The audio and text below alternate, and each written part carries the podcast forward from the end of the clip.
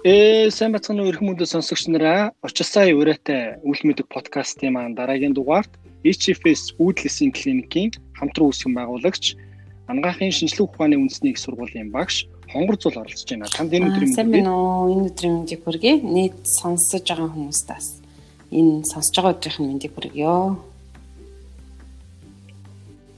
За таас сонсогчдод маань өөрийгөө бас товч танилцуулаач үүдлэсийн клиникийн гэхээр хүмүүс бас гайхчихж магадгүй яг яадаг юм бол гэд тэ. Тэгэхээр энэ талаар бас товч танилцуулаач. За тэгэхээр чи сайн намайг танилцуулсан болохоор тэ би шууд үүдлэс гэдгийнхаа тухай хүмүүс товчхон танилцуулъя бодчихлоо. Аа бидний бие болохоор үндсэндээ хоёр төрлийн эс байдаг гэж үзэж болно.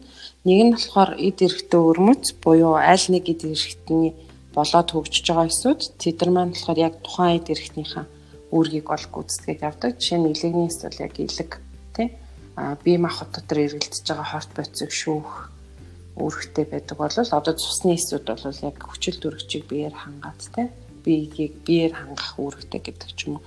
Гэтэл энэ бидний бие дотор байгаа эд эсүүд маань болохоор яг өөрсдийн тодорхой амьдралын хугацаатай байдаг. Хэвийн физиологи тий эрүүл хүнд гэсэн Тэгээд тэр физиологийн насны дуусахаар оронд нь шин залуу үйл ажиллагааны чадвартай шинэ эсүүд гарч ирээд ингээд энэ үйл ажиллагааны тусламжтай бол бид нараа олон жил үүдээ эрүүл саруул те өвчин тусахгүйгээр ингээд явж чадчихэйдэг. А тэгвэл энэ шин залуу эсүүд нь хаанаас гардаг вэ гэхээр энэ үүдлэс гэдгээс гардаг. А энэ үүдлэс нь болохоор өөрөө ямар нэгэн эд эрэхтэн өрмөц эс бол болж хөгжөөгүй юм тэг цэг дээр зогссон эсүүд байдаг. Тэгээд аль нэг идэрэхтэнд нөгөө эсүүд нь хөшрөөд үйл ажиллагааны үед за миний хугацаа боллоо гэдэг мэдээлэл эрэхтэн зэрэгцээд за тэгвэл энэний оронд шин залуу үйл ажиллагааны үед алдагдaltaгүй ажиллах шин залуучууд гаргая гэж өөрөө өөрөөсөө оршуулах өөрийгөө хувилах замаар бие эрэхтний физиологийн хэвийн үйл ажиллагааг хангадаг энэ эсүүдийг хэлж байгаа юм. Тэгэхээр энэ чадвартай эсүүдийг нь бид нар өнөөдөр хүнээс өөрөөс нь ялгаж аваад эргээд тэрхүү эсээрээ имчилгээ хийж байгаа үйл явцыг лүүдлэсэн имчилгээ гэж нэрлээд тэгээд тэр чиглэлийн имлэг нэгэд ажиллаж байгаа гэсэн үг. Маш сонирхолтой. Аа чиглэлээр ажиллах юм байна. Тэгээд э, энэ талаар бас нэлээд хэд хэдэн нийтлэл болон одоо нэг энэ талаар ярьж байгаа яриа бас сонсч байсан. Тэгээд ер нь бол нөгөө нэг үүдлэс байхгүй болчихлоор дархлаа ундаг буюу дархлаа ганц тогтоож идэг зүйл нь өөрөө үүдлэс гэсэн нэг ойлголт яваад идэг. Тэр ер нь зөв гэж ойлгож болох уу? Эсвэл ер нь одоо та өөрийнхөө өнцгөөс тайлбарлах. Би дотороо бүх хэд эрэхтэн угаасаа бүх хэд эрэхтэн дотороо бүх хэд эсүүд түрүүний хэлсэнчлэн тодорхой хугацаанд дандаа шинжлэгдэж идэг. Хэвэн эрүүл физиологи дотроо гэсэн. Тэгээ энэ шинжлэгдэж байгаа бүх эдсүүд нь бүгдээрээ тухайн эд эрхтэнд өрмөц өөрт нь байгаа тэр үүдлэсээс үүсдэг учраас мэдээж үүдлэсийн үйл ажиллагаа алдагдвал нөгөө дархлааны эдсүүд чинь өөрсдөө бас хөгжиж чадахгүй орох боломжтой. Яаж бол гол их үүсвэр учраас яад ингэж хэлж юм гэхээр дархлааны эсүүд те цусны эсүүд ингээд тодорхой юу гэдэг 6-аас 9 цаг тутам шинжлэгдээ шинээр гарч идэг лимфоцитууд жишээ Тэнгүүд тэр лимфоцитыг гаргаж байгаа их үүсвэр болсон өвдлөсөн гэмтэлтэй болвол энэ хугацаанд нэг эсвэл хит хоорондоо богиносчоор юу гэдгийг алдаа дутагдaltaй яг дархлаа чадамжтай эсүүд нэг эсвэл гарч чадахгүй эсвэл хитрхи хоол болчвол хугацаанд байх ёстой эсүүд нь дахиад хангагдаж чадахгүй гэдэг ч юм уу. Тэр их тутгаараа наад ч юм бол тийм байж болох. Тийм тайлбар болж байна л та. За ер нь анх яаж мэрэгчлээ сонгосон бэ? Юу нөлөөлсөн бэ? Хэн нөлөөлсөн бэ? За ерөнхийдөө болохоор яг манай яг ээж аа хоёр хоёлаа эмч хүмүүс. Тийм тэгээд 10 жилд сурж байхдаа болохоор би гоо сайхны мэсэлч эмч болно гэж айгүйх боддог байсан. Тэгээд Монголд 10 жилдээ сурчаад би дараа нь Америкт аа сурахаар явсан. Тэгээд тэнцээ очиод 10 жил сурж байхдаа буцаж ирээд заавал гоо сайхны мэдсэлч болно л гэж боддог байсан. Тэгээд тэнцээ очиж сурж исэн чинь бионх судлаач буюу biomedical engineering technologist гэдэг одоо нэр томьёотой ажил болохоор тухайн үед яг тренд болж исэн.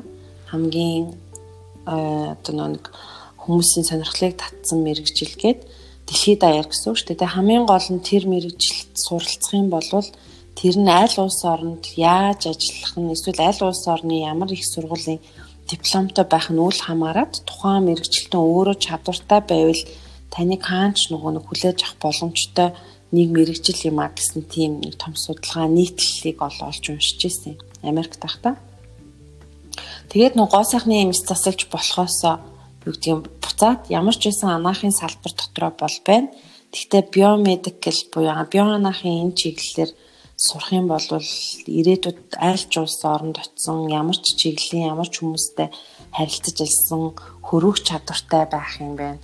Ямар нэгэн зогсоох зүйл байхгүй байдаг юм байна гэл тэр мэрэгчлэр сурыг гэж бодоод шийдсэн. Тэгээд Монголд ирээд тухайн үед эрүүл мэндийн шинжилгээ ухааны их сургууль гээд одоогор болохоор анагаахын шинжилгээ ухааны их сургуульд яг биоон асуудлаач гэдэг анги тухайн үед бол байсан. Нэгдээд нэг итгэн жил болж ирсэн баха. Тэгээд ирээл конкурстад тэр ангид орол явсан түүхтэй мэрэгчлээ ол яг тэгж сонгосон. Олон улсад өрсөлдөх чадвартай гоё мэрэгжил гэдэг. Тийм. Одоо ер нь ингээд нөгөө нэг сонгосон мэрэгчлэрээ ажиллахад танд ингээд ямар одоо нөгөө нэг мэдрэмж төрдөг вэ? Ямар одоо сайхан зүйл мэдрэгддэг байна. Яг мэдээж бүх мэрэгжил тухайн сонгосон хүн болгондоо бол гоё те мэдээж боломжтой. А тэг бүх мэрэгжил мэдээж нэг цэг дээр үгдэн гацхгүйгээр зайшгүй ингээд байнгын давтан суралцж идэг. А гэхдээ яг энэ дундаасаа зүгээр миний одоо олж харснаар юу гэх юм яг ийм чимэлгийн ажилтан анагаахын шинжилгээ ухаан гэдэг эрүүл мэндийн салбарт ерөөхдөө ажиллаж байгаа хүмүүс а тэгээ шинжилгээ ухааны салбарт ажиллаж байгаа хүмүүс байнгын өсөлттэй хөгжилтэй байнга шин санаа тий шин техник технологиг ингээд эрэлж идэг эрэлхийлж идэг тийм чиглэл гэж хардаг.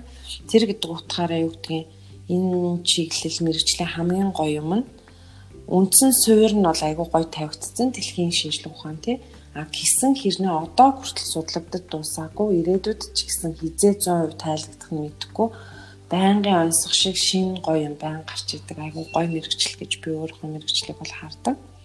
Тийм тийм болохоор энэ мэрэгчлэлтэй бол маш их туртай байдаг.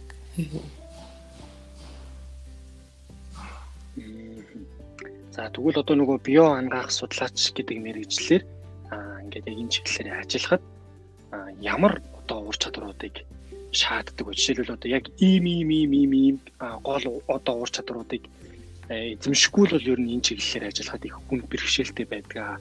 А ер нь яг нэг юм тоочод те 1 2 3 гэдэг ч юм уу хэд ч байдгийн а заавал 3 ч гэхгүй ер нь ийм ийм нэг чадварууд бол зайлшгүй яг шаарддаг гэвэл та ямар ур чадваруудыг нэрлэх? За биоанагаахын чиглэлээр шаарддаг ур чадвар гэхээс өмнө эхлээд яг Монголын нөхцөл байдалд бол ялангуяа анагаахын салбарт болохоор биоанаахын мэрэгчлэтнүүд өөрсдөө жоохон э, яг нөө ажил өөргийнх нь хуваарлалт нь яг 100% нэгдүгээрт гарч чадаагүй а тэр нь гэхээр юу гэдэг шууд нөгөө нэг тэр ажлын тий э, ямар үүрэгтэй яаж ажиллах уу гэдгийг гаргахаас илүүтэйгээр яг энэ мэрэгжлийн хүмүүс ажиллах орчин Монголд айгүй сайн бүрэлдэж өгч чадаагүй юм шиг санагддаг.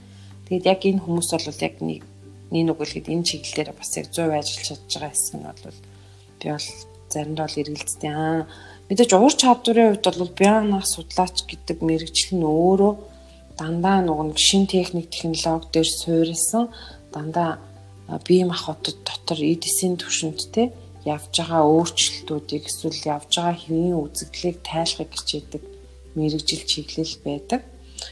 Тэгэхээр яг тийм мэрэгжил гэхээр технологитойгоо холбоотой учраас аль технологиор юугаар аль чиглэлээр тийм үү? Чинь ген инженерчлэл юм уу? Эсвэл молекул биологи юм уу? Эсвэл патологи буюу эмгэг эмгэг физиологи эсвэл эмгэг бүтэц зүйл юм уу гэд тэ? Аль чиглэлд байхаасаа шалтгаалаад тухайн чиглэлд шаардлагатай техник технологийн ур чадвар бол зайлшгүй шаардлагатай бол байдаг. Гэхдээ би зүгээр яг суралцаад энэ хугацаанд юуг харсан бэ гэхээр уур чадвар тэг ялангуяа гараар хийдэг ч юм уу техникийн уур чадварыг болгон асар их мэрэлттэй хичээнгүй байгаа цагт бол ямар ч хэцүү юмыг бас сурж болдгийм байх гэж бол харж байгаа.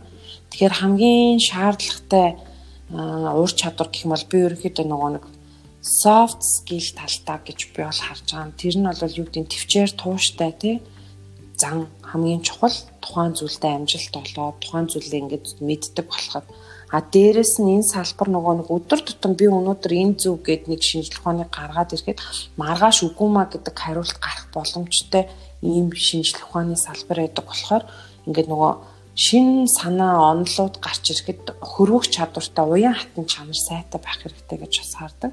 Дээрэс нь байнга шинжлэгдэж учраас нэг цэг дээр зогсож өрдөөсөө болохгүй байнга шинийг ирэлхийлдэг. А гэтээ шинийг ирэлхийлж байгаа санаан дээр маш шийдэмгий тэгээ жижиг зүйл болгон дээр маш сайн талдаалыг нь анхаарад хаана юу нь яг нөлөөлж авах боломжтой вэ гэдэг юм нэг эдсийн түвшинд яригддаг маш нарийн уураг молекулд нэгдэлтэй эсвэл транскрипцийн фактор гэдэг ингээ маш нарийн зүйл механизм дээр яригддаг учраас жижиг деталь болгоныг анзаардаг маш хямнгаа байх хэрэгтэй гэж бас үздэг.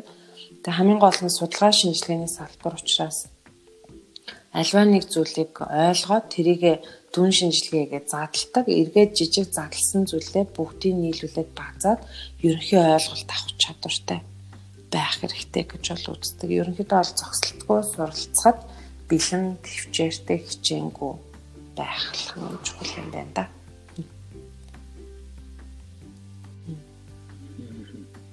За би нөгөө нэг таны талаар нөгөө нэг уншиж судалж байхдаа үүдэлсийг нөгөө ялгаавч хадгалан дотоод шүүрэл гоо сайхан үе мөч тэргүүтэй өснөдийг имжлэх боломжтой гэж харагдчихсэн. Тэгэхээр одоо шилбэл яг яаж одоо нөгөө нэг эмчлэг эмчилдэг гэсэн үг вэ? Одоо жишээлбэл үе мөчний одоо өвчин бол ялангуяа манай улс орны нөхцөлд бол настай хүмүүс бол нэлээ их үе мөчний өвчтэй. Одоо баг илүү залуучж гин гэдэг юм яваад байгаа тий. Тэгэхээр яаж эмчилнэ гэсэн үг вэ?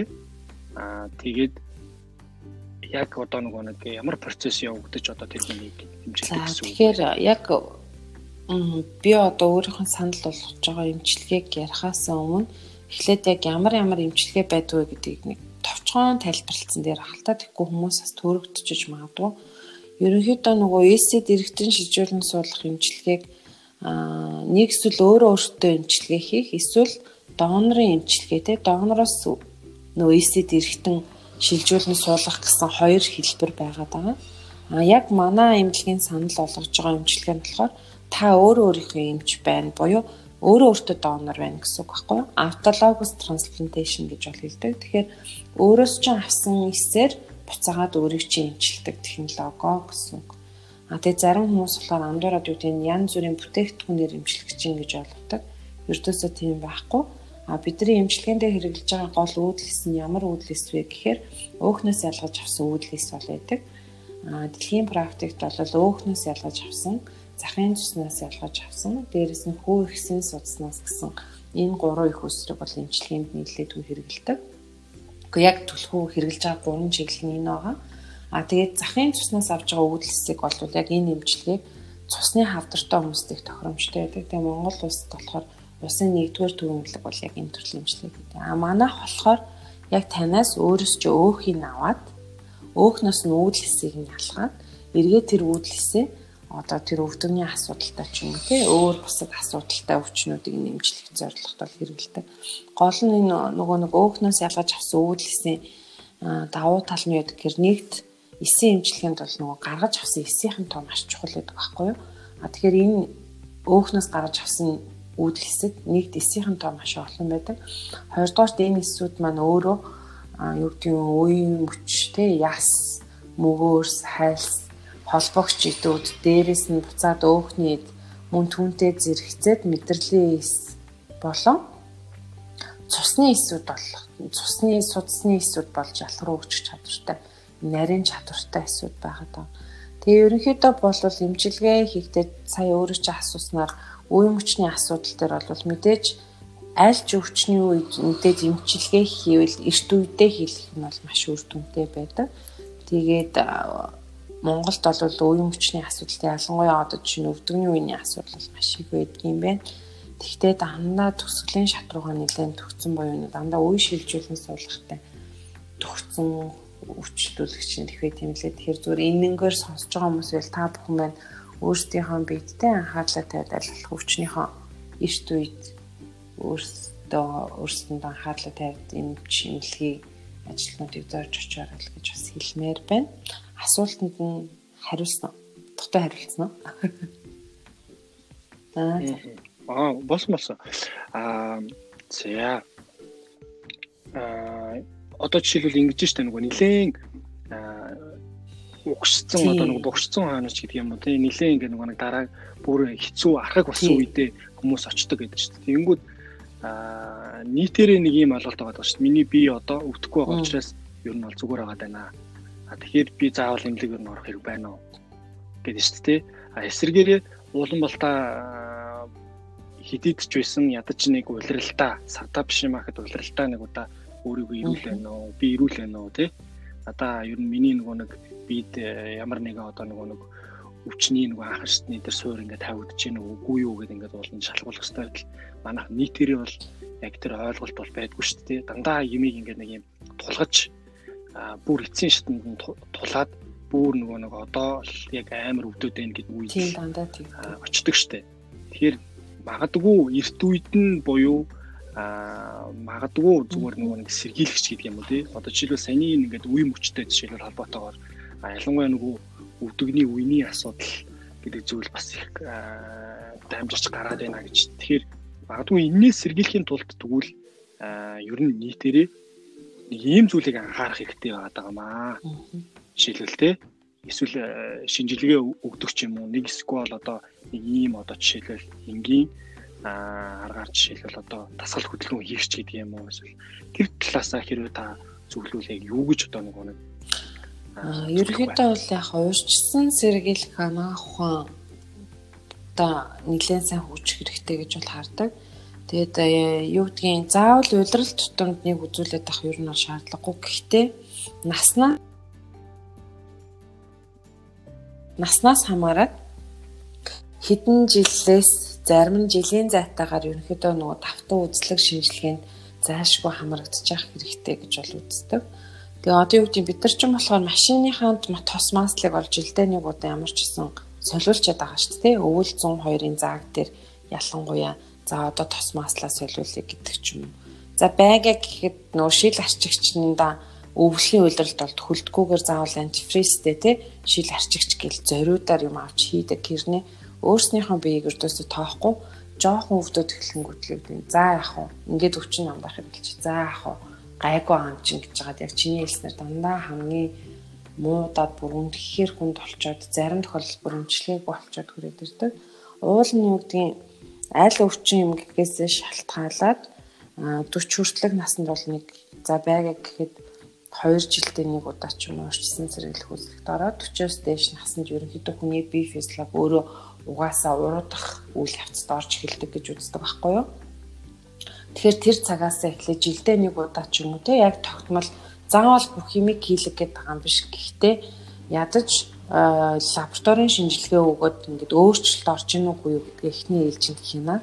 Аяанда өөрчлөлтүүд ороод эхэлж байгаа зүйл байлаа. Тэр чиглэлийн нарийн мэрэгжлийн эмчнэр рүү хандаад ядаж явдаг байгаа чи эхний ээлжинд А бүр сайн болдог болвол мэдээж энэ дээр нэмэгдээд бусад төрлийн багцын шинжилгээнүүдийг хасаахих тусам уулна анхаарал хийгээд яваад байвал юу гэдэг эрт үед нь барих яг эхэлж явах үед нь барих нь мэдээж тэр хүний амьдралын тавилан, дээрээс нь эдийн засаг гэдэг арга гэр гэд маш олон зүйл дуулна бол гэд эерэг сайн талтайгаа тахгүй. Одоо төгсгөлийн шатанд ороод дэмжлэгээ хэлэхэд зарцуулагдах мөнгөний хэмжээ дөнгөж байрч авж байгаа үед зарцуулагдах мөнгөний хэмжээ хоёр мэдээж шал ялгаатай зүйл шүү дээ тий хүмүүс эцсийн арга хэрэглэе гэл байдаг бүхнээ тавьж туудаг тэрнийхэн оронд үед нь барьчлаа гэж тэр зархаж байгаа мөнгөнийхэн тодорхой нэг хэсгийг зараад бариад аваад имчлээд цааштай ингээд юу гэдэг анхааралтай аваад хинаад явах боломж олгуулсан байгаа. Тэгэхээр өөрчлөсөн сэргийл ганаа ухаанд гэдэг талаас хүмүүс өөрсдөндөө машиндаа зарцуулдаг шиг сэтгэл гаргаач ил гэж хэлмээр санагддаг шүү дээ.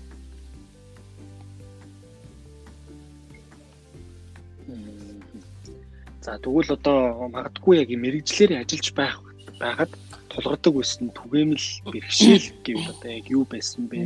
Энэ бэрхшээлүүдээс юу сурсан бэ? Ерөнхийдөө бэрхшээл гэж ботхоор яг мэдхгүй мэрэгжил болгон дээр мэдээж янз бүр өдөр тутмын бэрхшээлүүд бол гардаг. Гэтэ ер нь ингээд ерөнхий тойм те өө зүйлээр нь хараад тахад нөгөө гарч байгаа бэрхшээл болгон дийлэнх тохиолдолд дандаа нөгөө мэдхгүй чадахгүйгаас болж гардаг бэрхшээлүүд бол байдаг. Эсвэл нөгөө талаасаа хитрхи их мэдчихээн чаддаг гэдэг дээрээ багдамнаад нөгөө алдаа гаргаж байгаа асуудлууд бол байдаг гэж би хардаг. А тэгээд надад гарч ирсэн хамгийн том бэрхшээл нь ялангуяа яг докторт Япон улсад очиж суралцаад тэр чинь би чинь бакалавра төгссөн, магистра төгссөн, резидентийнхаа эмчийг хийцэн ингээд яваад очиж байгаа хэрнээ те бүтэн 10 хэдэн жилийн боловсрал эзэмшээд очиж байгаа хэрнээ очиход юу гэдэг мэдхгүй чадахгүй маань маш их байсан. Тэгээ тэрэн дээр айгүй их нэг хэсэг эмзэглэж өөртөө хүн дээр тусаж авсан л та. Тэгээд яг Япон багш нарын маань заасан хамгийн гоё зүйл нь юу байсан гэхээр хүн мэдхгүй чадахгүйгаас өрдөөс айх хэрэггүй, ичих хэрэггүй, санаа зовх хэрэггүй. Хамгийн гол нь мэдхгүй байгаа, чадахгүй байгаа гэдгийг мэдээд олоод тэрийгэ хүлээн зөвшөөрж байгаа гэдэг нь бол айгүй том чадвар аа нэгдүгээр шүү дээ. А хоёрдугаарт мэдхгүй чадахгүйгаа нэгэнт мэдсэн юм чинь тэрийгэ мэдхийн төлөө, чадахын төлөө мэрэж байгаа сэтгэл бол хамгийн сайхан зөв үзэл баримтлал гэж бол яг манай багш нар үздэг байсан. Тийм болохоор юу гэдгийг худлаа мэддэг юм шиг дүрсгээд те өө би чадна шүү дээ чаддаг гэж худлаа хэлэх юм мэдхгүйгээ хэлчихвэл маш сайн заагаад өгнө. Заасныг нь сураад цаашаа хэрэгжүүлээд явхад нөгөө алдаа мадаг гарахгүй илүү зэгцтэй зөв явах нэг боломж гарч ирж байгаа. Нэгдүгээр. А хоёрдугаар юу гэдгийг хитрхи их мэддэг гэж байнга өдөр тутам хийдэг ажлаа хүртэл Япон хүмүүс маш хинамга хийдэг. Яагаад гэвэл нөхөн нэг үйлчлэгийг олон дахин давтаад хийгээд ирэхээр тодорхой хэмжээнд нөгөөх нь гарт нь орчдөг учраас хаяа хийсэн хийгээгүй мэдэхгүй нэг рефлекс байдлаар хийцэн байдаг. А тэгээ манай багш нарын барьдаг гэсэн бодол нь юу гэхээр тэгэж бол болохгүй. Яагаад бол яг тийм үед хамгийн их алдаа гардаг учраас илүү их хямгаа байгаад бүх зүйлээ ингээ хинж хийх хэрэгтэй гэж хэлдэг байсан. Тэгээ тэр зам бас их гоё ингээ сургамжтай алдаа гаргахаас сэргийлдэг юм шиг санагдсан. Тэгээд энэ хоёр зүйлийг бол би ой тондоо гартлаа санаад энийг бол байнга өөртөө одоо тэр цагаас хойш а тэгээ өөрийнхөө хичээл зааж байгаа оюутнуудаа ч гэсэн энийг тий хилээд заагаад явах гэж яддаг шүү дээ. Тий. За түрүүн нөгөө нэг та хэллээ шүү дээ. Япон улсын Япон улсын нөгөө жижигийн анагаахын сургуульд өвдлөс түмэн зохицуулга гэсэн чиглэлээр докторийн зэрэг хамгаалсан тийм. Тэгэхээр би нөгөө нэг Японы нөгөө нэг тэр магистр болон докторийн сургалт нь ямар хүнд байдаггүй гэдгийг нөгөө нэг найзаасаа сонсч байсан байхгүй. Тэгээд ер нь бол ингээд нөгөө чиний яг бакалавра хийчихэд энд магистр хийн магистр доктор хийн гэдэг бол тийм амархан зүйл биш ээ. Амар хийм нөгөө нэг юм судалгаа юм шинжилгээ юмуд дээр айгүй ажилдаг нэг газраас нөгөө газар руу аягүй болон судалгаа шинжилгээ юм хийх хэрэг гардаг. Стожик нөгөө утгаар нь судалгаа хийлгэх тэр чиглэл рүү явуулахаас гадна маш олон зүйлийг сурахад бас их нөгөө нэг нөлөөлдөг ийм нөгөө нэг сургалтын системтэй газраа нэлийн нарийн бас их чармаалт шаардна гэж хэлж ирсэн бохоггүй. Тэгэхээр таны хувьд одоо яг энэ докторийн зэрэг хамгаалаад ирсэн хүний хувьд бол яг ер нь ийм байдаг юм билээ шүү. Бас ийм юм бэлтгэлтэй бид нар бас байх хэрэгтэй юм билээ шүү гэвэл юуг ер нь цахиж залуучуудад хэлэх вэ? Докторын зэрэгээр хэрвээ одоо магадгүй би докторын зэрэг хамгаалалтанд За нэгдүгээр болохоор зүгээр би юу гэж харсан гэхээр хаана очиж суралцж байгаа чинь айгүй чухал те. Яг л тухайн нийгмийн эсвэл ерөнхийдөө нөгөө нэг үзэл баримтлал гэж байдаг шүү дээ. Япон бол ерөнхийдөө маш их зүйлийг төлөвлөж яг бүх газар төлөж байгаа. Гэтэ хамгийн гол нь төлөвлөгөөний эсрэг явах эсвэл нэг юм нөгөө open minded гэдэг ийм нээлттэй байдал нь харцангуугаар бусад нөгөө хөгжингөө Европын орнуудтай харьцуулахад арай хаалттай байд юм шиг санагддаг. Ялангуяа би нөгөө Америкт сурж байсан болохоор тэрнтэйгээ харьцуулаад байгаа. Тэгээд хаана очих байгаа газрынхаа нөгөө нэг өөрсдийнх нь нийгэм соёлын талаар нэгд айгуу сайн бэлтгэлтэй очих хэрэгтэй юм шиг санагдсан. Тэгээд тэрэндээ сэтгэлээ бэлтцсэн багт юу гэдгийг А эн чинь угаасаа ийм зүйлээр явдаг. Иймэрхүү хандлагатай улс ард түмэн учраас энийг нь би мэддээд байвал нөгөө стресст орох магадлал нь багасаад ирчихэж байгаа байхгүй юу? Нэгдүгээр тэр тухайн орчноо хүлээн зөвшөөрж ин гэсэн үг шүү дээ. Хугацаа алдахгүйгээр чи өөрийгөө төрлөө бэлтгэсэн учраас тэнд очиод хугацаа алдаад стресстэй хямраад ах шаардлага байхгүй. Аа тэгээд дараагийн зүйл мэдээж маш сайн сууж сурах бэлтгэлийг өөртөө аягүй сайн хийх хэрэгтэй гэж бол боддог. Сууж сурах гэдэг нь юу гэж гэхээр ямар ч байсан докторийн зэрэг хамгаална гэхээр тухайн тэнхимтэй сургууль ямар ч байсан чамайг хүлээж авахар шийдвэр гаргахад тэд нар чиний дараагийн 3-аас 4 жилийн амьдралыг аль хэзээний ингэ төлөвлөсөн байдаг. Аль хэзээний очихд чинь бүх юм нь дийлэх тохиолдол бил. Яг бол доктор магистрийн сургалт ч юм бол бид нар яг шин зүйлийг судалж байгаа ч гэсэн хідээч өөртөө цоошин юмыг сэдвийг гаргаж ирээд бүр цоош нь өөр юмыг судалдаг зүйл бол биш. Дандаа тухайн тийхэнд байгаа профессорын хийж байгаа нөгөө судалгааны ажилд нь баригдаж одоо нэг чиглэлд нь баригдаж тэрэн дотроо шин зүйлийг эрэлхийлдэг Тэгэхээр тэрэндээ бэлтгэлтэй а суугаад тэрийгээ судалж уншихад бэлэн байдалтай очих хэрэгтэй. Яг бол очиод тухайн профессорын өгсөн чиглэлийнхэн дор чи өөрөө шинийг судлаад уншаад одоогоор судлагдаагүй байгаа асуудлыг хөндөж олж хараад тэрийг багш нартайгаа ярилцаа цааш нь гүнзгийрэл судалдаг болохоор суун. Тэгээд дараагийнх нь болохоор нийгэм талаасаа гэдэг нь ялангуяа Японд ямар байсан гэхээр бүх зүйлийг төлөвлөгдсөн багш нар ерөнхийдөө амар тусархаг хүмүүс японочууд. Гэхдээ нөгөө талаасаа өөрсдийнх нь нөгөө байр байдал нь хүнд гай болохгүймсэн гэдэг хандлагатай арт түн байдаг учраас нөгөө гинт юу гэдэг Монгол зангаараа төлөвлөгөөгүйгээр багшаа би ийм бодоод ингээ хийгээ авч ирсэн учраас та өнөөдөр надад туслаач гэдэг. Те гинтийн юм бас нэг туртай хүмүүс бол байдаггүй. Тэр гэдэг утгаараа чи ажиллаа маш сайн төлөвлөөд асуудал гарах боломжтой зүйл гэж чи өөр дүгнэд харж байгаа бол 7 хоногийн өмнөөс юм уу те 2-7 хоногийн өмнөөс чадвал сарын өмнөөс багшаа би ер нь нэг ийм хийх гээд байгаа. Энэ дээр ингээд байгаа. Миний яг харж байгаагаар ийм хүндрэл гарах юм шиг байна. Энэ хүндрэлийг би даван тулахад те ганцаараа туулж чадахгүй юм шиг байна. Таны туслалцаа зөвлөгөө хэрэгтэй юм шиг байна. Та тухайн үед надаа цаг гаргаж өгөх гэдэг байдлаар харьцахад манай багш нар аюул дуртай байдаг байсан. Аль болохоос тэр чиглэлийг нь бариад хүнд төв бодохгүй байхаар юм хийхийг айгүй хэцэрдэг гэсэн. Тэгэхээр тэдгээр зүйлийг энтэй анзаарч харж ивэл тэр зүйл бэлтгэлтэй байвал очиод сурахад бол орсонгоор монгол хүмүүс бол ер нь юмд айгүй гайгүй хурдан сайн тасдаг. Аа тэгээд нийцээд явж чаддаг гэж би бол хардаг ш.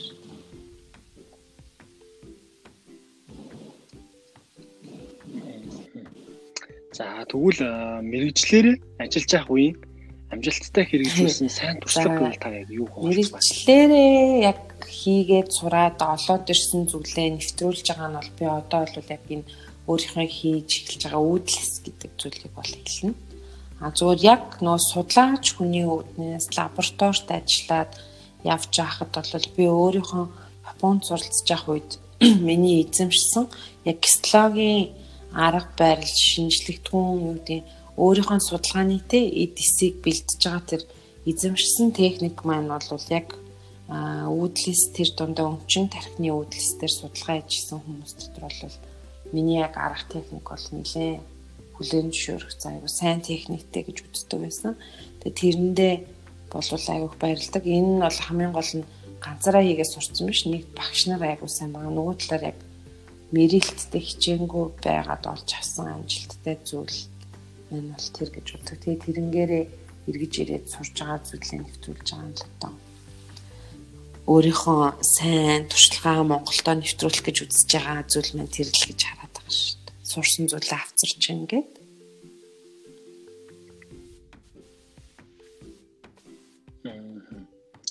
За тэгэхээр нөгөө нэг өөрийнхөө талаар нөгөө нэг харж байхад жишээлбэл 2018 онд тий шилдэг залуу судлаач болж одоо нөгөө тархины үүдэлсийн талаар судалгааны ажил хийгээд энэгүүрээ шилдэг залуу судлаач гэдгээр хэлэгч бас шагнал гардаж ирсэн юм байна. А мөн Нобелийн шагналтуудтай одоо уулзах уулзалт нь дэлхийн одоо 200 гаруй одоо орноос 30 мянган одоо нөгөө нэг хүмүүсээс сонгогдоод ингээд энэ уулзалтанд оролцож исэн юм байна. Нобелийн шагналтуудтай тий. Тэгээ бүхэл бүтэн 7 хоногийн турш бүтэн 7 хоногийн турш энэ уулзалтын юмд оролцсон гэсэн зүйлийг харсан. Тэгээд Роберт Левковиц, Майкл Левит хоёрын одоо түүх сургамж сэтгэл тод үлдсэн гэдэг та хэлсэн байсан шүү дээ. Яслаг дээрээ. Тэгэхээр одоо энэ талаас бас ингээ нөгөө нэг та хаваалцвал тий. Яг яаж одоо энэ Нобелийн шагналтуудаа уулздаг тэр эдэн шинжилгээний Нобелийн шагналтуудаа уулздаг энэ уулзалтан дээр яаж одоо жишээлбэл Монголоос сонгогдоод явж чадваа. А тэгээд мөн одоо залуу судлаач гэдэг энэ юг яаж бас аваа, юу нөлөөлсөн юм болоо энд гэвэл энийг таас гэж хуваалцвал. Монгол талаас болохоор ерөнхийдөө нөгөө Монгол улсын академи гэдэг тийм академийн зөвлөл гэдэг том нэг академи байгаа шүү дээ. Тэгээд нөгөө академи дотор анагаахын чиглэлийн гэдэг ингээд бүх чиглэл рүүгээ салцсан. Ерөнхийдөө яг энэ олон улсын түвшинд энэ Нобелийн шагналтнуудын уулзалт чинь бидрийнх явсан нь бол 68 тоннээсээ одоо бараг 70 нь нуу 71 төгн болох ч юм шиг шүү дээ. Тэгээд бүх улс орны энэ академийн гишүүдтэй бол эднэр хамтарч ажилладаг юм билээ. Тэгээ академиас нөгөө нэг э манай анахан шинжилгээ ухааны их сургууль дээр зар ирсэн. Ийм хуралд одоо нөгөө нэг материалыг нь цаашаа ингээд явуулнаа гэд. Тэгээд академи тэр зарын дагуу материалаа бүрдүүлээд бид нар явуулсан. Тэгээ ерөнхийдөө бүх сонгон шалралт зүйл нь бол цаана Германд очоод яг тэр Германы Нобелийн шагналтнуудаас бүрдсэн тодорхой тооны Нобелийн шагналтнуудаас бүрдсэн зөвлөл гэдэг юм л да. Тэр зөвлөл нь өөрөөсөө тэр 30 мянган одоо нөгөө материал ирсэн хүмүүсийнхаа материалтай танилцаад бидний шалгуурт нийцж байна гэсэн 600 хүнээ жил болгон сонгож авдаг юм билээ л дээ. Тэг мэдээж энд бол улсдаа баярлах хэрэгтэй ямар ч гэсэн академийн үйл ажиллагаа тодорхой хэмжээнд олон улсын түвшинд харилцаа сайтайгаа учраас Монгол эрдэмтэнтэй залуу судлаачид нь өөрсдөө энэ зүйлд apply хийхэд асуудалгүй ингээд нөгөө боо явж болж байгаа хгүй хэрвээ энэ академийн зөвлөл энэ академи мэнтэй өөрсдөө тэрийг тийм харилцаагаа хөгжүүлээгүй тийм зүйл байгааг бол мэдээж энэ хаалга бол хаалттай байх байх л та. Тийм тэгэхээр нэгдүгээрт бол тийм хоёрдугаарт бол тэр хийсэн мэдээж ялангуяа докторийн ажил хийсэн судалгаа шинжилгээ маань өөрөө бас гоё ажил гэж хүлээн зөвшөөрөгдсөн учраас яг сонгогдох боломж маань бол гарсан байх гэж бол хардаг.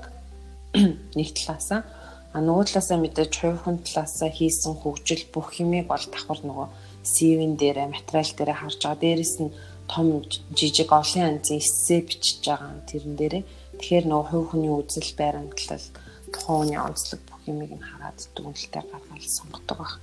А тэр Монгол улсын ерөнхийлөгчийн шагнал авсан зүйл нь болохоор яг төрний хэлжсэн яг докторийн судалгааны ажил дээр үүдэлсэн зохицуулга гэдэг. Одоо ялангуяа нас биенд хүрсэн буюу бидний шиг тий ингээд амьдраад явж байгаа үед энэ үүдэлсийг хизэн ямар зүйлийг нь унтрааж хасаавал одоо энгийн үгээр хэлвэл тий а нөгөөх маань юу гэдэг ямар ч хөгжил байхгүй ингээд нөгөө тийг цэг дээрээ зогсоод а ямар үед ингээд өөрийгөө маш олон тоогоор олшруулад а тэгээ ямар үед юу гонтрааж асаасны дараа нөгөөх нь одоо миний түрүүний хэлжсэн илэгнээс ч юм уу өснээс ч юм уу бөөрнээс болж ялгараа өгчвэ гэдэг энэ үйл явцыг нөгөө судлах гэж оролдоод нэг мэдээж доктор хамгаалж байгаа шинэ эрдэмтэн болгон өөрийнхөө хэмжээнд шинэ нээлтүүдийг бол хийдэг. А яг тэрэн шиг би бол жижиг нөгөө нээлтүүдээ хийсэн. Тэгээ тэр маань ямар ч байсан өөрийнхөө үүдлэс болон гистологийн салбарт эдийн шинжилгээ ухааны салбарт бол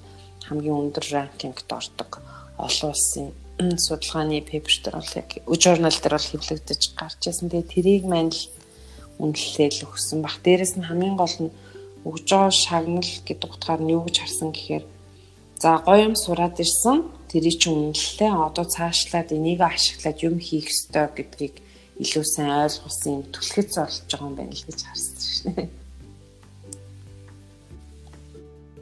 Түрүү та нөгөө нэг нийтлэл хэвлүүлсэн гэдэг чинь тийм. Тэгэхээр нөгөө нэг судалгааны ажил нийтлэлт өгөх, хэвлүүлэх, ялангуяа олон улсын нийтлэлт тэрийг хэвлүүлнэ гэдэг бол маш их хугацаа шаарддаг. Тэгэхээр энэ талаараа бас та хуваалцах сонирхолтой байх тийм ер нь хэр хугацаа зарцуулсан бэ?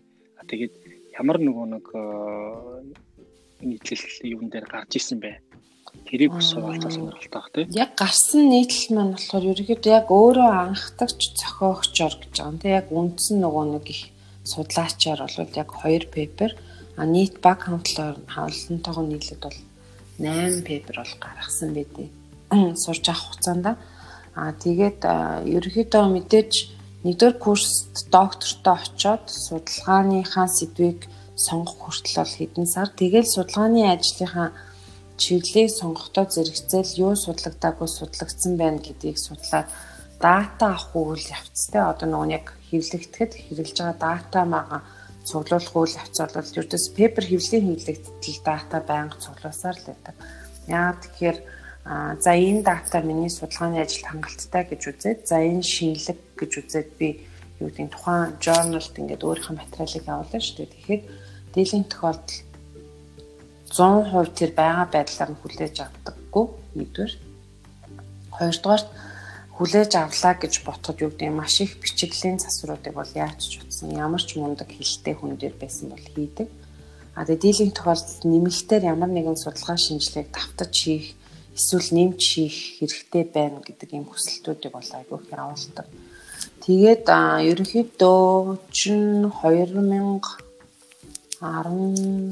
6 гэдэг чинь 3 жил орчим хийсний дараа датагаа бол яг нөгөө бүгдийг бичээд нийлүүлээд те өгүүлэл болгоод journal руу бол явуулж исэн. Тэгээд материал хүлээж авсны дараа эн чинь хамгийн гол нь олон улсын стандарт нь одоо Монголтой харьцуулахад юугаар ялгаатай гэхээр Монголд болохоор би нэг үр дүн авчаад тэрийг ингээд нөгөө жоохон бичлэгийг өөрчлөөд гарчгаа өөрчлөнгүүд доторх нөгөө яг үндсэн олсон ухагтгуун шин зүйл маань яг нэг хിവэрээ ирнэ ингээд Монголд байгаа маш олон төрлийн сэтгүүлүүд төр ингээд гарчдаг. А гэтэл гадаадд ч юм болохоор хамгийн гол ялгагдах зүйл нь юу гэхээр би яг нэг дата гаргаад авсан тэрийгээ би А сэтгүүлд явуулж байгаа бол А сэтгүүл надад нэг эсвэл чамааг хүлээж авлаа эсвэл чинийхийг татгалцлаа гэдэг хариуг эрен эртэл би дараагийн хоёр дахь сэтгүүл рүү юм явуулах эрх байдаггүй. Хэрвээ тэгэх юм бол plagiarism буюу одоо юм чинь хүн хуурсан ажил гэж үзээд айл аль сэтгүүл нь чамаас татгалзах хэрэгтэй байдаг. Харин айгүй аацтайгаар би өөрийнхөө нөгөө нэг ихнийхэн өгүүлэлийг тухайн сэтгүүл төхөд миний харцангай айгүй шин зүйлийг хэрэгцээтэй байсан зүйлийг нь судалсан байсан болохоор хариу нь бол нэг 2-7 хоногийн дотор за чиний пеперийг хүлээж авлаа ингээд цаашдаа энийг чинь accept хийлээ. Одоо бүгдээр revision буюу засварын үйл ажиллагаагаа эхлээд энийг илүү сайжруулад явъя гэдэг хариу нь бол ирсэн 2-7 хоногийн дотор. Тэгээ 2-7 хоногийн дотроос би нэг 2 сарын дотор яг тэдний тухайн сэтгүүлээс ирсэн шаардлагын дагуу засваруудаа хийгээд 2-7 хоногийн дотор бол бэлдээд эргүүлж аваад нэг дөрөвдөх сар гэхэд бол яг хэлэгдэт гарсан. Энэ нь бол мэдээж бусад судлаачтай харьцуулахад харьцангуй хурдан гарсан л да. Яаж тийж хэлж юм гэхээр манай Тэгэн дээр яг надтай хамт суралцж исэн манай Индонез найзын пепер бараг бүтэн 1 жилийн турш 4 5 сэтгүүлээс татгалцсан хариу авах хүртлээр маш их удаан хит хитэн сарын засварууд хийлгэж хийлгэж байгаа л за заах боломжгүй байна гэдэг хариултуудыг өгөөд 4 5 сэтгүүлээс сөрөг хариу сонссныхоо дараа а яг сүлд хийлгэж бол гарчсан. Тэр чинь шууд ниц заахгүй дийлэнх тохиолдолд дандаа засвар хөсдөг засварууд нь явах гэж нэлээд хэдэн сар болдог. Засварууд нь явжгаад эцсийн дүндээ за за таалагдахгүй юм болж юм. За за манай сэтгүүл нийцэхгүй юм байна гингүүт нөгөө төр чинь буцаагаад татгалцсан хариугаа өгч байгаа байхгүй юу. Тэгээ тэр бол тиймээс мэдээж яг тэр гадагшаага пепер явуулах хүртэл тийхэмдэр бол маш нарийн цогц үйл ажиллагаа болж байгаа юм л да. 3 жилийн турш дата цуглуулад ирэхэд юу гэдэг яг 3 дахь жилээс өмнө юу гэдэг 2 жилийн дотор ерөнхий датагаа аваад За одоо бичлэлтэй эхлэе. Ер нь бол чинийх тодорхой хэмжээнд пейпер болох боломжтой болчлоо гэдэг ингээд багш нартайгаа нийлээд өгнж байгаа байхгүй.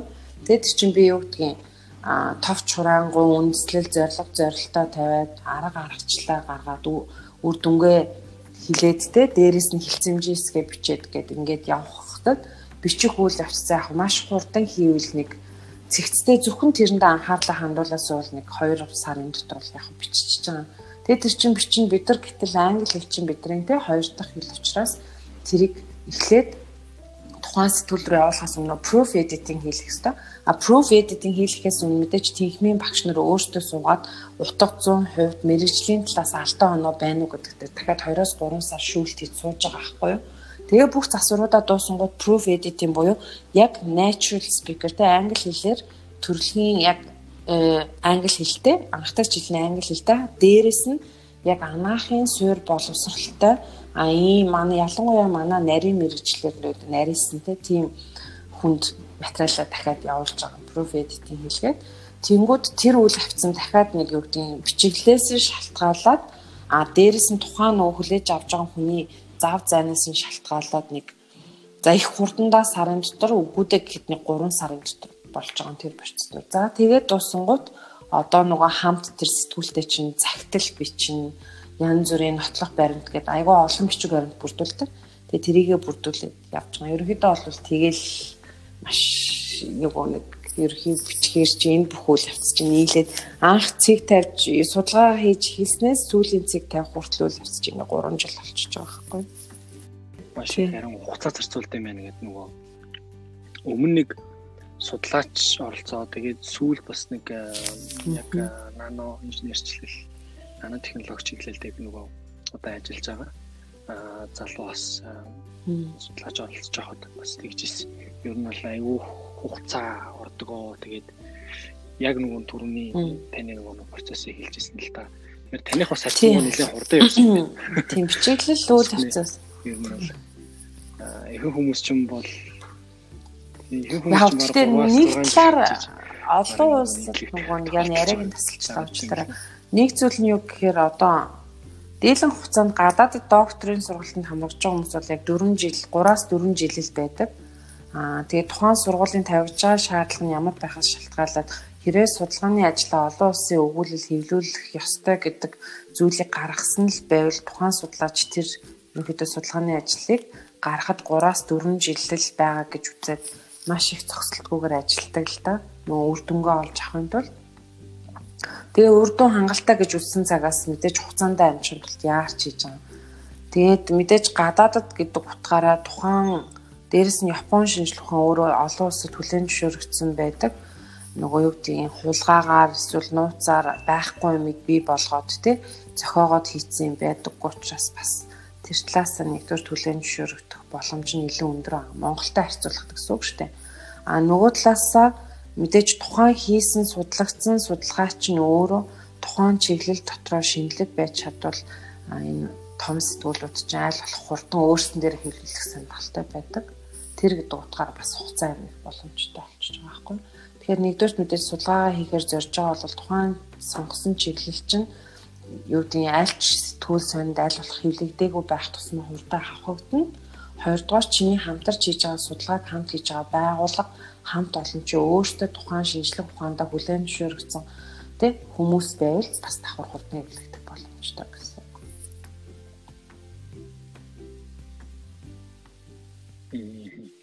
Аа нэг ийм ер нь бол нөгөө яриа яваад ддаг штэ одоо жишээлбэл enable одоо нөгөө нэг EDC ингээд айгүйх одоо хэдэн мянгаараас сэргдэг ингээд айх болон одоо цочход жишээлбэл хэдэн мянган эсвэх хүчийдэг ч гэдэг юм уу тий эсвэл одоо хитрхи юм аим шиг юм үзэнгүүт одоо жишээлбэл эдис хүчин гэж үздэг. Ер нь энэ хэр одоо жишээлбэл үнний уртаа яг нөгөө нэг стрессийн босго өндөр болоод ирэхээр мэдээж эсийн дохиод амжилтанд аягүй сөрөг нөлөөтэй байдаг.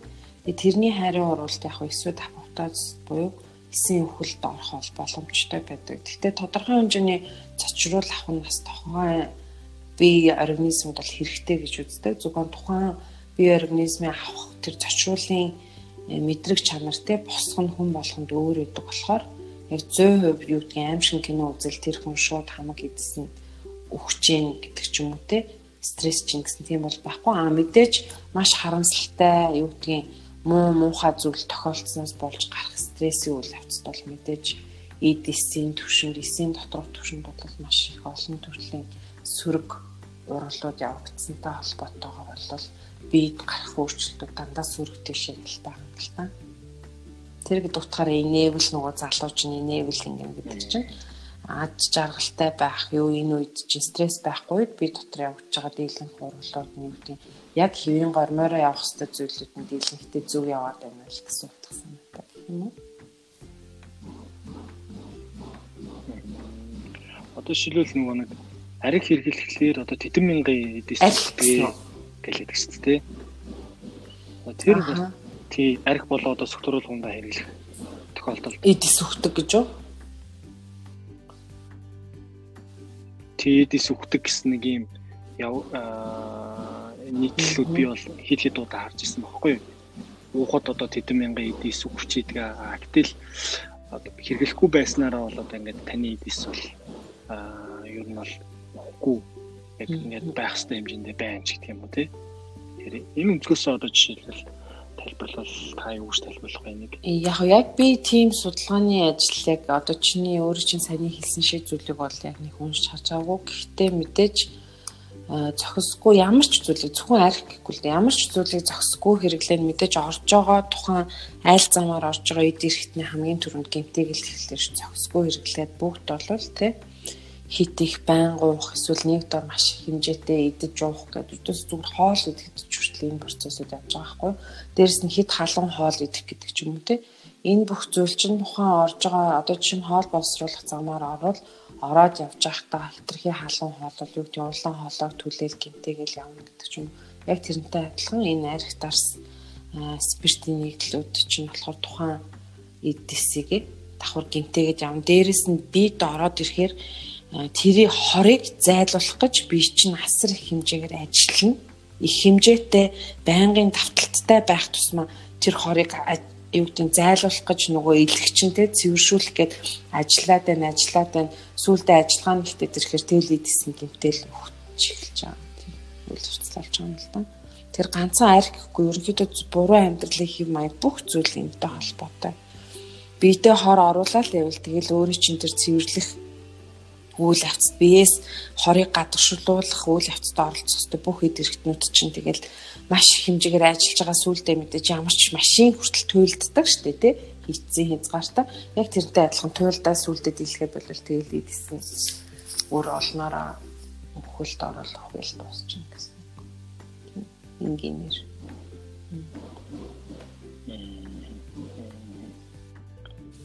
Зөв. Зя ер нь нөгөө нэг юм карьерийг та юу гэж ойлгодог вэ? Ер нь карьераа төлөвлөдөг үү? Төлөвлөдөг үү? Тэгэхээр юм төлөвлөдөг вэ? Карьерийг юу гэж ойлгодог вэ гэд мэдээж хүн өөрийнхөө сонирхож байгаа юу гэдэг энэ нэг амьдарч байгаа амьдралдаа те би юу хийж бүтээх вэ гэдэг бодлыг бол ямар ч хүн амьдралдаа за багаар утгад нэгээс хоёр удаа бол те бүр боддгоо маа гэж ботход мэдээж байнга юу тийм тэрийг ингээд ботхгүй байлаа гэхэд өөртөө ярилцж байгаа шүү дээ. Хүмүүс болвол тий за би юу юу их гэдэг нь яах гэдэг юм гээд мэдээж карьераа бол төлөвлөдөг. А төлөвлөөд юу гэдэг би ханаас судлаач болно гэсэн. А төлөвсөн төлөвлөгөөнд маань мастер маань байсан, доктор маань байсан, пост доктор гэдэг. Ингээд докторийн дараах сургалт хүртэл гэдэг ингээд яг тухайн үед ангаах орж явахад те нэгдүгээр курст орж явахад бол энэ пост докторийн түвшинд буюу дараагийн 20 жил хүртэлх ингээд ерөөхий төлөвлөгөө бол толгойн дотор бол байсан. Тэгээ одоо бол төлөвлөгтөө бол харьцангуйгаар арай э, тухайн үед залуу үеиг шиг бол тэгж урт хугацаагаар шууд бүгдийг нь бол төлөвлөж чадахгүй байгаа. А миний төлөвлөгөө бол нэг 5-аас 8 жил дотор яваад байгаа. Одоо сүүлийн 17 оноос хойш гэсэн үг л дээ. А гэхдээ юу гэдгийг холын зорилго болгоо зорилгоо бол миний одоо юу гэдэг эцсийн зорилго маань бол айгүй том зорилго бол байна. Мөрөөдлийн зорилго тий. Тэгээд тэрэндээ мэдээж хүрэхийн тулд ингээд нуу шатууд агаад байгаа хгүй тий. Тэр хүрэх шат болгондоо юу гэдэг тодорхой хугацаа өгөөд за энийгээ биелүүлчихвэл энэний дараа энэ энэ алхмыг аваад явхад энэ хугацааг өгч болох юм байна гэдэг байдлаар өөртөө явж байгаа.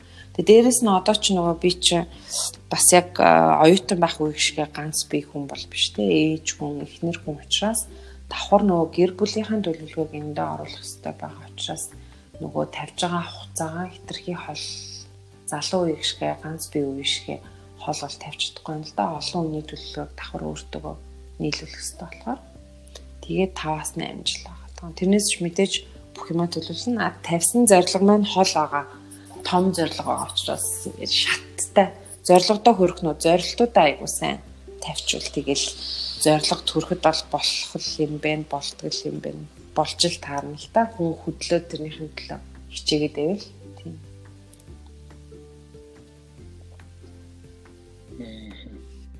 За тэгвэл одоо магадгүй энэ чиглэлээр сурах гэж байгаа мэржлээ сонгох гэж байгаа сурж байгаа мөн дөнгөж төгсөж байгаа ийм залуучуудад хандаад та яг юуг зөвлөх вэ? Ер нь нэг иймэрхүү юмыг бас мэдчихвэл илүүдэхгүй шүү. Ийм юмыг бас хэлмээр байдаг юм аа гэвэл та юуг хамгийн түрүүнд би түрүүн хэлжсэн те Япон багш нараасаа сурсан хамгийн гол зүйл маань бол хүн нөгөө мэдхгүй чадахгүй гэдгээс айх хэрэггүй. Ялангуяа залуу байх үед мэдхгүй чадахгүй гэдэг зүйл чинь илүү шин олон зүйлийг нээж олж харах айгүй том нэг гарц дээрэс нь яг залуу насн дээр нөгөө хүн алтаа гаргахад харамсах зүйлгүй дараа нь тэндээс хөдлөх хугацаа боломж те зөндөө байгаа даа. Тэгэхээр мэдгүй чадахгүйгаас айх хэрэггүй гол нь тэндээсээ мэдгүй чадахгүйг мэдсэн юм чинь тэрнийхэн төлөө мэддэг чаддаг болох юм л та мэрих тэр сэтгэлтэй айгуу чухал дээрэс нь нэг зүйл нэг байрандаа ингээд нөгөө нэг зүйлдээ сэтгэл ханаад болвол бити зогсоорой гэж бол хэлмээр байдаг. Яг бол боломжгүй зүйл гэж байхгүй. Гагцхуу тэр юу гэдэм боломжтой болохын тулд чи зөв гарцыг нь л олж харах хэрэгтэй гэж би бол боддог. Аа тэгээд ирээдүйд хэрвээ энэ чиглэлээр төгсөж байгаа, төсөөд гарч байгаа мундаг те ирээдүгөө төлөвлөд харж байгаа залуучуудад би юу хэлмээр юм гэхээр Японд суралцж байгаа хавцтай бас нэг сурсан айгүй том зүйл мань юу байсан гэхээр ийм нөгөө хамтын ажиллагаа айгүй сайтай санагддаг, санагдсан. А ялангуяа энэ ямар утгаараа гэхээр нийт үндэстнээр японочдод ч нөгөө монголчууд айгүй хүнсрэг үзэлтэй гэж ярьдаг шүү дээ. Тэгээ нийт үндэстнэрээ бөөнөрөө юу гэдэг бүгдээрээ нийлээд шинжлэх ухаанаараа бусад улс оронтой өрсөлдөх юм мундаг арга барилыг авч явж байгаа. Тэр нь яг юу хэлээд байгаа юм гэхээр одоо яг өвдөлс өнчин тарих гэдэг чиглэлээр өнчин тархины өвдлөс өнчин тарих гэдэг чиглэлээр судалгаа шинжилгээ хийж исэн яг Япон улсад бол нийт эрдэмтэд жилдээ нэг удаа л цугларч уулздаг байсан. Тэгээ тэгээд уулзахад нэг намайг те жишээ нь одоо гадны докторийн оюутангаа оролцуулаад нэг 200-аад л мөрж байгаа маш цөөхөн тэр чинь те олон сая хүн дотор.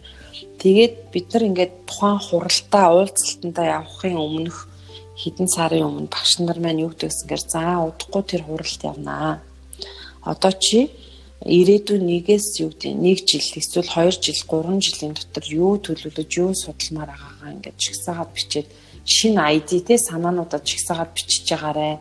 Тэг хурал дээр очиод танилцуулна шүү. Танилцуулна шүү гэж хэлдэг байсан. Тэгээд нөгөө нэг юу гэдгийг юу юу өгсөн тэр 2 3 сард ч шингээл олон судалгааны ажил уншаа шинэлэг зүйл харуулаа энийг судалмаар юм байна энийг үзмээр юм байна гэл шин санаануудаа чагсаал бичиж байгаа юм л да. Тэр чинь өдөрт бараг нэг юм уншихад л нэг санаа гарна. Тэгээ ингээд 2 3 сарын дотор чинь 50 60 санаа ол үлхэн гараад ирчдэг. Тэгээ хуралдаа очин нөгөө нэг чиний гаргасан санаануудыг чинь профессорууд нь дан профессоруудын хурал гээд хуралдаа аваад орчдөг. Тэгээ эргээ гарч ирэхээр нөгөө миний 50 60 санаанаас чинь нэг 10-аас 15 санаа нь үлдчихэж байгаа байхгүй юу?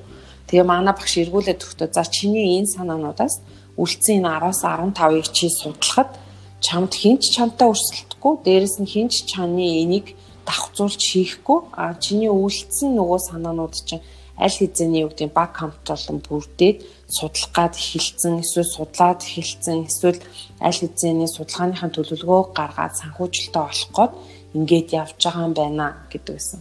Тэгээ эндээс юу нь харсан гэхээр Япон улс даяараа нэг эдийн засгийн хөвдтэй нэг санаан дээр олон давхардаж ингэж мөнгө зарахгүйгээр яг нэг хүн нэг зүйлээ хийдэг. Хизээч тэр хүнтэй давцсан судалгааг өөр нэг хүн хийхгүй. А гэхдээ тухайн хүн нь өөрөө гэдэг олон тэр хүнийхээ өмнө хариуцлага өрөөд маш найдвартай сайн судалгаа хийдэг. А тэр үр дүнг нь бүгдээрээ хүлээн зөвшөөрөд явдаг. Тэгээ эдийн засгийн хувьд үр зардал багтай. А гэхдээ шинжлэх ухааны ололт амжилт нь маш олон зүйлийг хамарсан шин зүйлүүд тал талаас гарч ирээд нийлээд цаашдаа хамтдаа яваад дэлхийн түвшинд гараад өрсөлдөх чадвартай тийм бүтээл гаргадаг гэсэн. Тэгэхээр нээлттэй байгаад а бусдаагаа хамтарч ажиллахад бэлэн а тухайн салбарыг өмчлөхгүйгээр нийтээрээ хийхэд бэлэн юм нээлттэй байгаарай шинэ зүйлд бэлэн байгаарай өсөж хөгжөхөд бэлэн ийм байгаарай гэж бол бас хэлж сануулмаар бол санагддаг. Тийм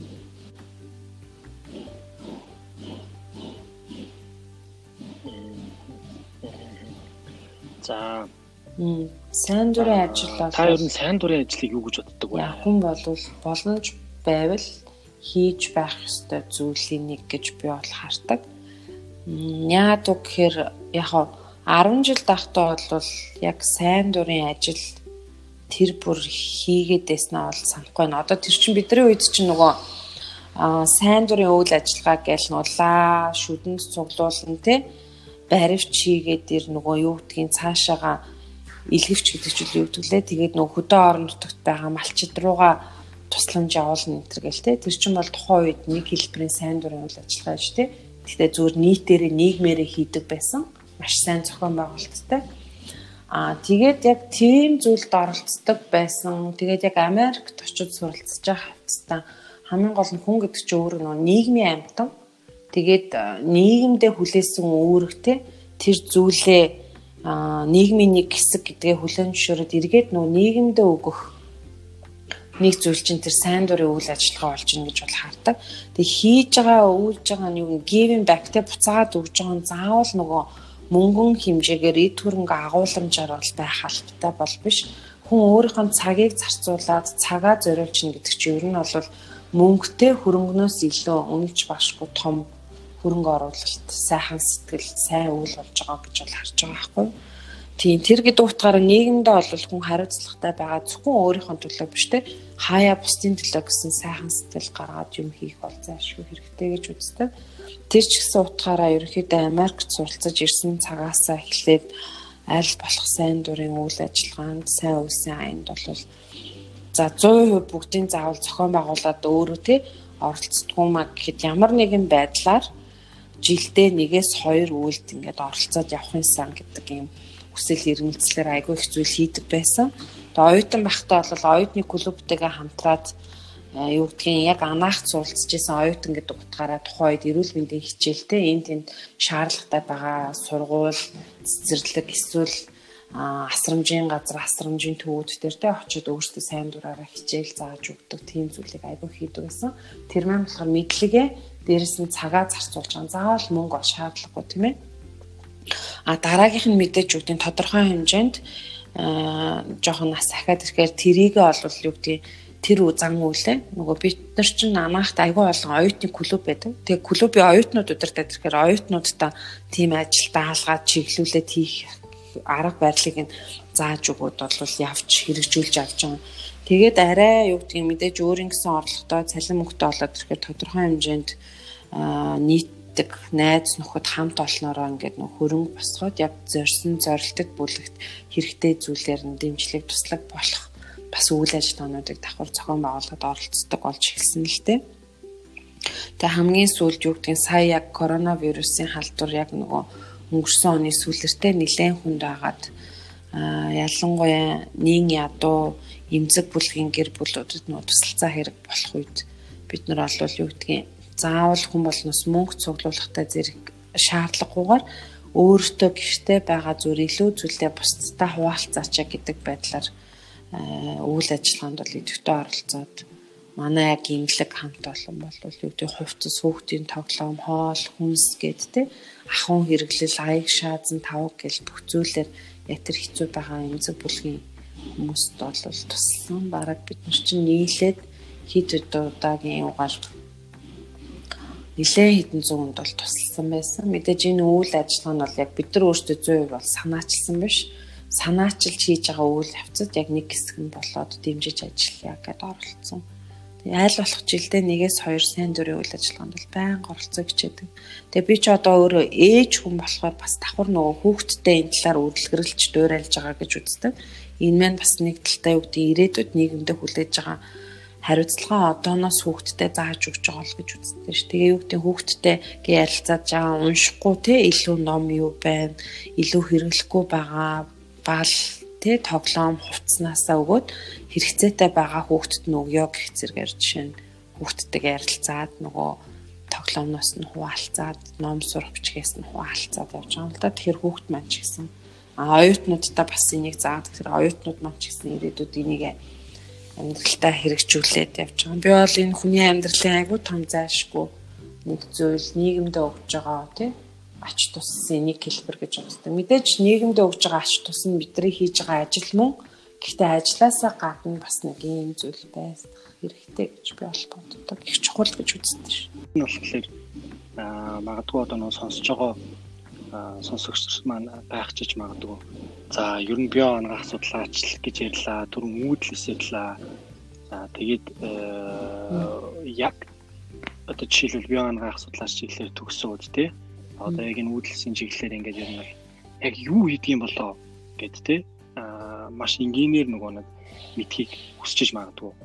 Тайлбарламаар юм гэхээр яг био онгох гэдэг тий анагаахын мэрэгчлэлтэй хүмүүс одоо яг бие оныхын чиглэлээр сураад төгсөх ажлын байрны бэлэн байдлыг Монголд бол 100% олдцтой гэж бол хэлэхгүй. Яагад бол энэ шинжлэх ухааныг энэ чиглэлийг өнөөдрийг хүртэл би монголчууд өөрсдөө тэгээд яг анаахын салбарын ч гэсэн 100% ойлгож байна гэж бол би боддоггүй. А яг олон улсын түвшинд бол энэ нь айлч салбар дотор те зөвхөн био анаах гэхгүйгээр ер нь био технологич тийм үү? Биол биомед bioengineering гэдэг хүмүүс юу вэ гэхээр тухайн айл нэг салбар дотор байгаа зүйлийг шинээр судлаад тухайн хэрэгжилж байгаа техник технологи эсвэл арга барилыг сайжруулах үйл ажиллагаа хийдэг хүмүүс л гэж бол би хардаг. А тэг яг биогоноос судлаач гэхээр олон улсын түвшинд яг энэ мэрэгчлэр ажиллаж байгаа хүмүүс одоо чи нэмлэгийн салбарт ажиллаж байгаа хүн бол юу гэдгийг лабораторийн салбарт бидний хэрэгжилж байгаа юу гэдэг онцлогоо хийж байгаа эмчилгээг хийж байгаа хэрэгжилж байгаа уруулж бодсон яг зөв байна уу? Илүү энийг чанаржуулж болох уу? Эсвэл илүү хурдан болгож болох уу? Яах вэ ийх үү гэдэг. Энэ бүх нарийн протоколыг ингээ бүгдийг гаргадаг тэр протоколдоо зориулсан юу гэдэг багаж тоног төхөөрөмжийг тухайн салбар болгоно чиглүүлээд өөрсдөө дахиад судлаад яваад шинжилээд явж байгаа хүмүүс гэж ингийн үгээр бол хэлж болно. Тэгэхээр Монголд бол одоо энэ салбар харьцангуйгаар ирээдүйд бол бүр гой хөгжөөд явах боломж болцоонууд бол илүү гой нэгдэд явах бах. Аа юу гэдэг тодорхой хэмжээ бие анаах төгсөн хүмүүс бол одоо жишээ нь манай эмнэлэгт яг гэдэг те эссийн судалгаа хийгээд эсээ шинжилээд гаргаад явах боломжтой гэсэн үг баггүй юу. Тэгэхээр энтэй мэдээж одоо зэрэгцээд олон төрлийн эсэдийн түвшинд судалгаа шинжилгээ хийдэг байгууллагууд эмнэлүүд ч гэсэн нэмэгдээд ирэх баг л та. Дээрэс нь манай эмнэлэг гэхгүйгээр давхар нэгдүгээр эмнэлэгт жишээ нь яг цусны хавдартай хүмүүст үүдэлсэн эмчилгээ хийж байгаа гэж би түрүүн хэлсэн тий. Тэгэхээр тэнд ч гэсэн тэр тухайн эсүүдийг нь зөв зохицуулахтай механизмыг нь хадгалаад эсвийн эмчилгээг нь хийх процедурыг нь хянах, эсийг нь бэлдэж хүмүүс нь бол одоо бас би анх асуудлаач бас байж боломжтой гэсэн. Тэгэхээр энэ нь бол цаашдаа улам гоё нарийн явах бах. Энэ бол зүгээр л яг эмнэлгийн практик талаас нь шүү дээ. А тэгээ шинжлэх ухаан талаасаа одоо бид нар юу гэдгийг ковид ингээл вакцин гэж ярьж байна те. Тэгэхээр яг энэ вакцин, технологи, үйлдвэрлэлт энэ бүх зүйлийг уулын хийж байгаа хүмүүс чинь дэлхийн хэмжээнд яг энэ био engineering, biomedical technologist гэдэг энэ хүмүүс байгаа байхгүй юу? Айцаас чиний мөрөөдөл чинь айцаас чи илүү том байх хэрэгтэй гэж бол нэгдүгээр хэлмээр байна тэгжээж үгтийн бид нар айцаа дагамтуулаад мөрөөдөлтөө хүрнэ, зорилготой хүрнэ гэсэн үг. Аа тэгээд чиний хэлж ярьж байгаа үгнээс илүү чиний хийж байгаа үйл хөдлөл чинь чамайг харуулдаг байгаасай. Энийний төлөө хичээгээсэй гэж мөн хүсэж байна. Аа тэгээд дараагийнх нь болохоор бидний юу гэдэг зүгээр сэтгэл санааны те мэдрэж байгаа энэ төрж байгаа мэдрэмж маань бидний итгэл үнэмшлээс илүү том бити гараасай буюу үүд өөрсдөө ихтгэл үнэмшлийнхаа төлөө явж байхдаа зүгээр тухайн үеийн сэтгэлийн мэдрэмжээрээ тухайн зүйлд бити хандаарай гэж хэлмээр байна. Үүд хөнгөн хумгаа бити хандаарай гэж хэлмээр байна. А нөгөө талаасаа бидний үеийн эсвэл надаас дээш насны хүмүүс сонсч байл үүд нөх юм заах гад байгаа бол биш л те зүгээр хандаад хэлэхэд залуу үе залуу болсон хүчнүүдээ ойлгоод сайн удирдаа дэмжилж ажиллаж байгаасай. Тэгээ нийтээрээ нийлээ бүгдээрээ юу гэдэг заавал Япон гэхгүй л дээ. Би өөр Япон школтой Японд сурсан болохоор одоо тэгж байгаа. Гэхдээ улс орноороо нийлээд э, эзэн засгийн үр зардал багтаагаар бас энэ яг шинжлэх ухааныг заавал шинжлэх ухаан гэхгүй ер нь бүх салбартаа Гэхдээ хамтын ажиллагааг илүү гоо сайжруулахын төлөө та бүхэн маань цаг хүчээ бас зарцуулж байгаасай. Тэгээ залуу боловсон хүчний гоё дэмжээд хамтдаа хүчцгүй явуул гэж хэлмээр байна да. Танд маш их баярлалаа. Энэ удаагийн дугаар маань хэрвээ сонсогч сонсогч нар та бүхэнд таалагдсан бол subscribe баярлалаа. Тэгээд бус хүмүүс түгээгээрэй. Сайхан амраарай. Маш баярлалаа.